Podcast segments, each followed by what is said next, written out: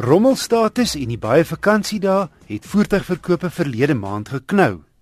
Rudolf Mahoney van Wesbank. Die verkoopsyfers vir April was baie teleurstellend geweest. Die mark het 'n uh, totale afname van 13.4% geregistreer met 34950 eenhede wat verkoop is verlede maand.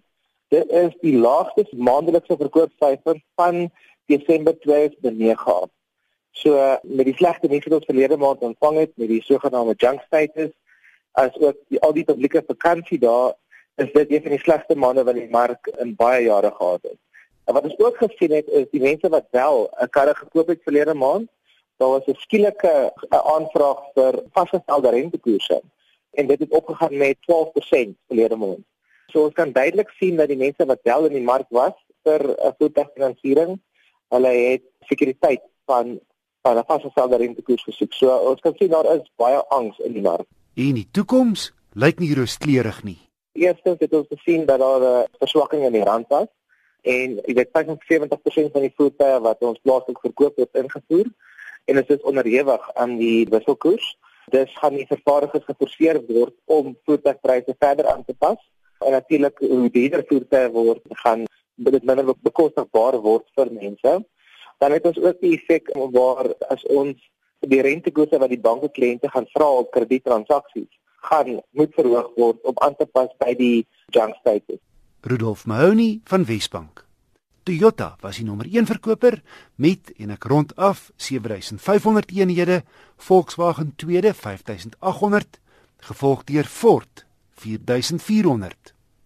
Maar die Ford Ranger was net net die top individuele verkoper met 1982 eenhede, 'n skrale 5 meer bakkies as Toyota se Hilux. Die Volkswagen Polo Vivo was derde, die nuwe geslag Polo vierde en die Nissan NP200 vyfde.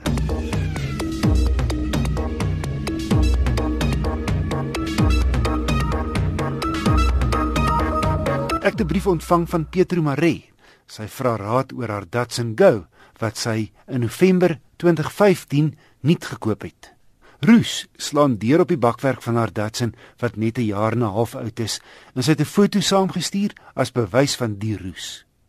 Ek het ouer gewoonte gaan aanklop by Nicolou, die tegniese redakteur van die tydskrif Car wat altyd gewillig is om luisteraars se meer tegniese navrae te beantwoord. Ja, wissel, ek voel jammer vir Pietro. Mens verwag nie dat 'n nuwe kar soveel probleme moet gee nie en daai foto van die roes lyk glad nie goed nie. Eerstens wil ek sê dis 'n 2015 model en ek weet die Datsun Go se waarborg is 3 jaar en 100 000 km wat vir my vertel dat die Datsun is nog steeds onder sy waarborg. So ek dink eerstens natuurlik moet die vervaardiger wat nou Datsun is en dit val natuurlik onder Nissan Suid-Afrika volle verantwoordelikheid vat om alle gebreke op hierdie voertuig reg te stel.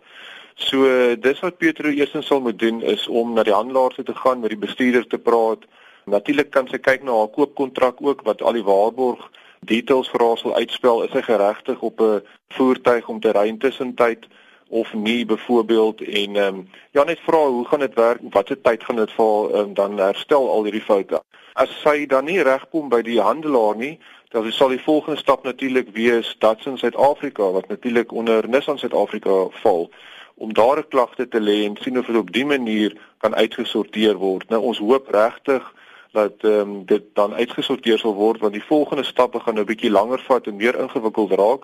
Dan praat 'n mens van die ombudsman natuurlik en ons praat ook dan van die nasionale verbruikersraad wat 'n mens kan kontak as die probleem nou nog steeds nie uitgesorteer word nie. Natuurlik daai verbruikersbeskermingswet kom ook dan in aksie en ehm um, net om vir ons luisteraars te noem, daai wet het nogal baie krag en ehm um, dit sê natuurlik dat ons as verbruikers is geregtig op produkte wat voldoen aan waarin ons voor die produk gekoop het en dat daar geen latente defekte is nie en natuurlik dan die vervaardiger van sodoende produk sal dan kan geforseer word om of hierdie foute dan reg te maak of die produkte vervang of dan die geld terug te gee wat ons vir die produk betaal het.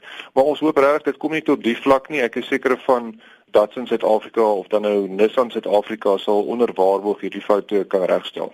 Nicolou die tegniese redakteur van Car. Petro, laat weet asseblief of jou handelaar bevredigend reageer. Indien nie, sal ons die saak verder voer. Motornavrae of klagtes kan aan my e-pos word. Die adres is wissel@rsg.co.za.